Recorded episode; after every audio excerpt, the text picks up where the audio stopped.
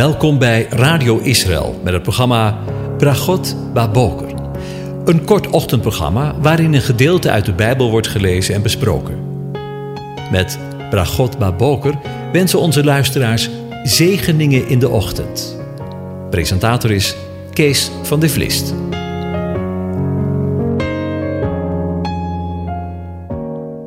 Hartelijk welkom, Bokatov, beste luisteraars. Vandaag gaan we weer verder met na te denken over Psalm 105 en ik lees de versen 23 tot en met 36 aan je voor. Daarna kwam Israël in Egypte. Jacob verbleef als vreemdeling in het land van Gam. Hij deed zijn volk zeer toenemen en maakte het machtiger dan zijn tegenstanders. Hij veranderde hun hart, zodat zij zijn volk haten en zijn dienstknechten listig behandelden. Hij zond Mozes, zijn dienaar, en Aaron, die hij verkozen had. Zij verrichtten onder hen de tekenen die hij bevolen had, en wonderen in het land van Gam. Hij zond duisternis en maakte het duister. Ze waren zijn woord niet ongehoorzaam. Hij veranderde hun water in bloed en doodde hun vissen. Hun land wemelde van kikkers tot in de kamers van hun koningen. Hij sprak en er kwamen steekvliegen en muggen in hun hele gebied.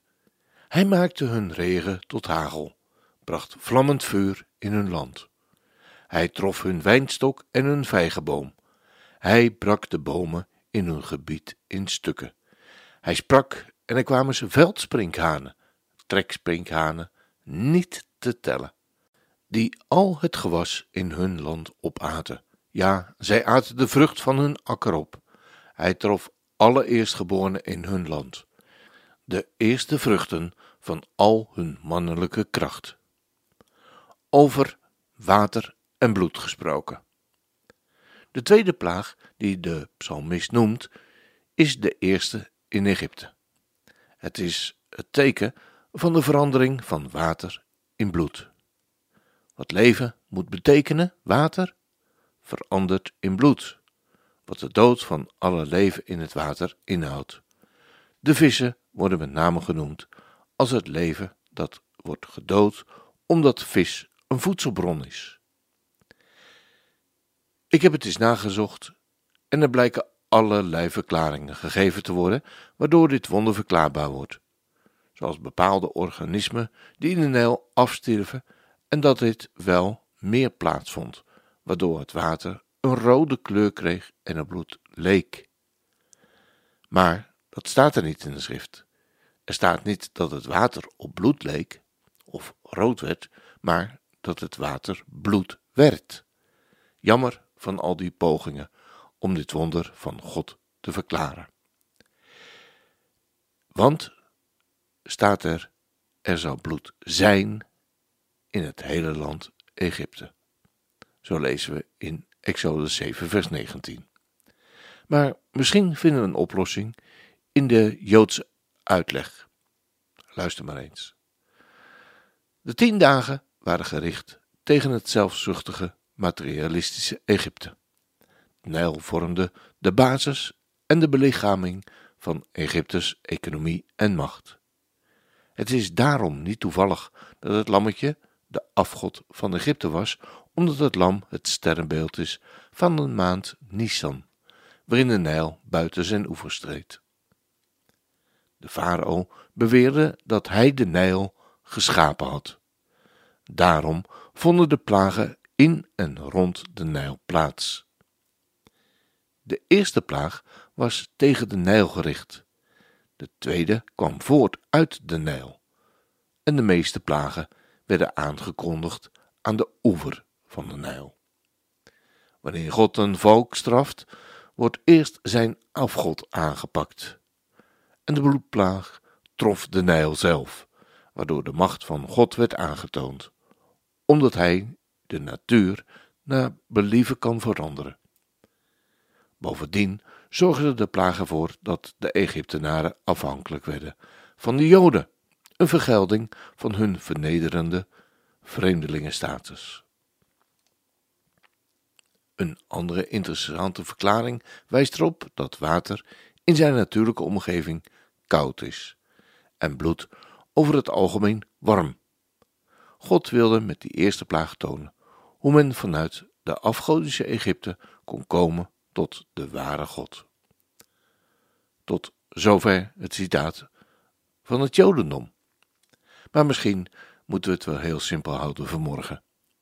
De farao was ongehoorzaam aan het woord van God. Het gevolg daarvan was dat God de bron van het leven wegnam. Water is de bron van het leven.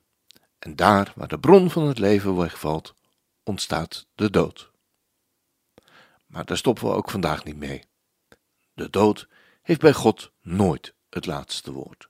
Want Jezus, Yeshua zegt: Wie in mij gelooft, zoals de schrift zegt, stromen van levend water zullen uit zijn binnenste vloeien. Als dat geen zegen is. Bron van levend water, ontspring nu in mij. Zend uw geest, o heilig God, en maak mij vrij van elke situatie die mijn hart bezwaart. geef mijn last aan u, die heel mijn ziel bewaart. Jezus, Vader, Geest, van God, Heer, u bent de herder die mij geneest. Neem mij in uw armen, leid mij door uw geest. Neem mijn trots, mijn twijfels en mijn angsten nu. Trek mij met uw liefde. Ik verlang naar u. Geef jezelf aan Jezus, die jou geneest. Laat Hem je omarmen en ontvang Zijn geest. Als je Hem vertrouwt, word je door Hem bevrijd. Zul je met Hem leven tot in eeuwigheid.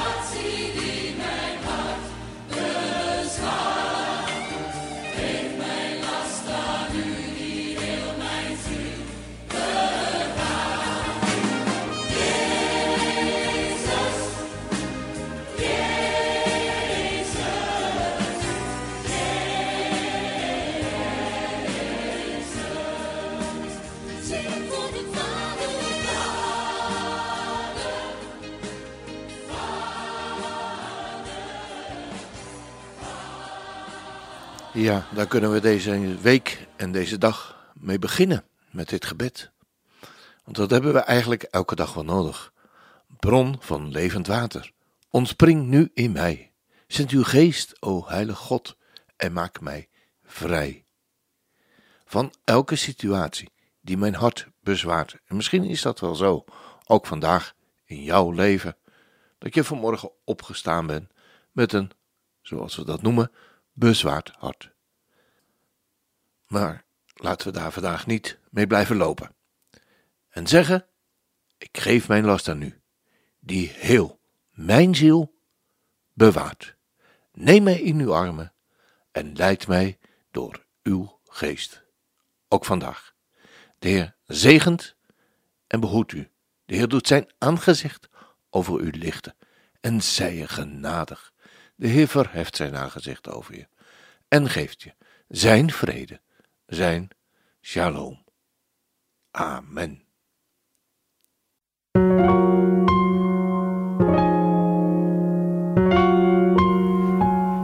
U hebt geluisterd naar het programma Bragot Baboker. Een kort ochtendprogramma waarin een gedeelte uit de Bijbel wordt gelezen en besproken. Wilt u het programma nog eens naluisteren, dan kan dat. Ga naar radioisrael.nl en klik onder het kopje radio op Uitzending gemist.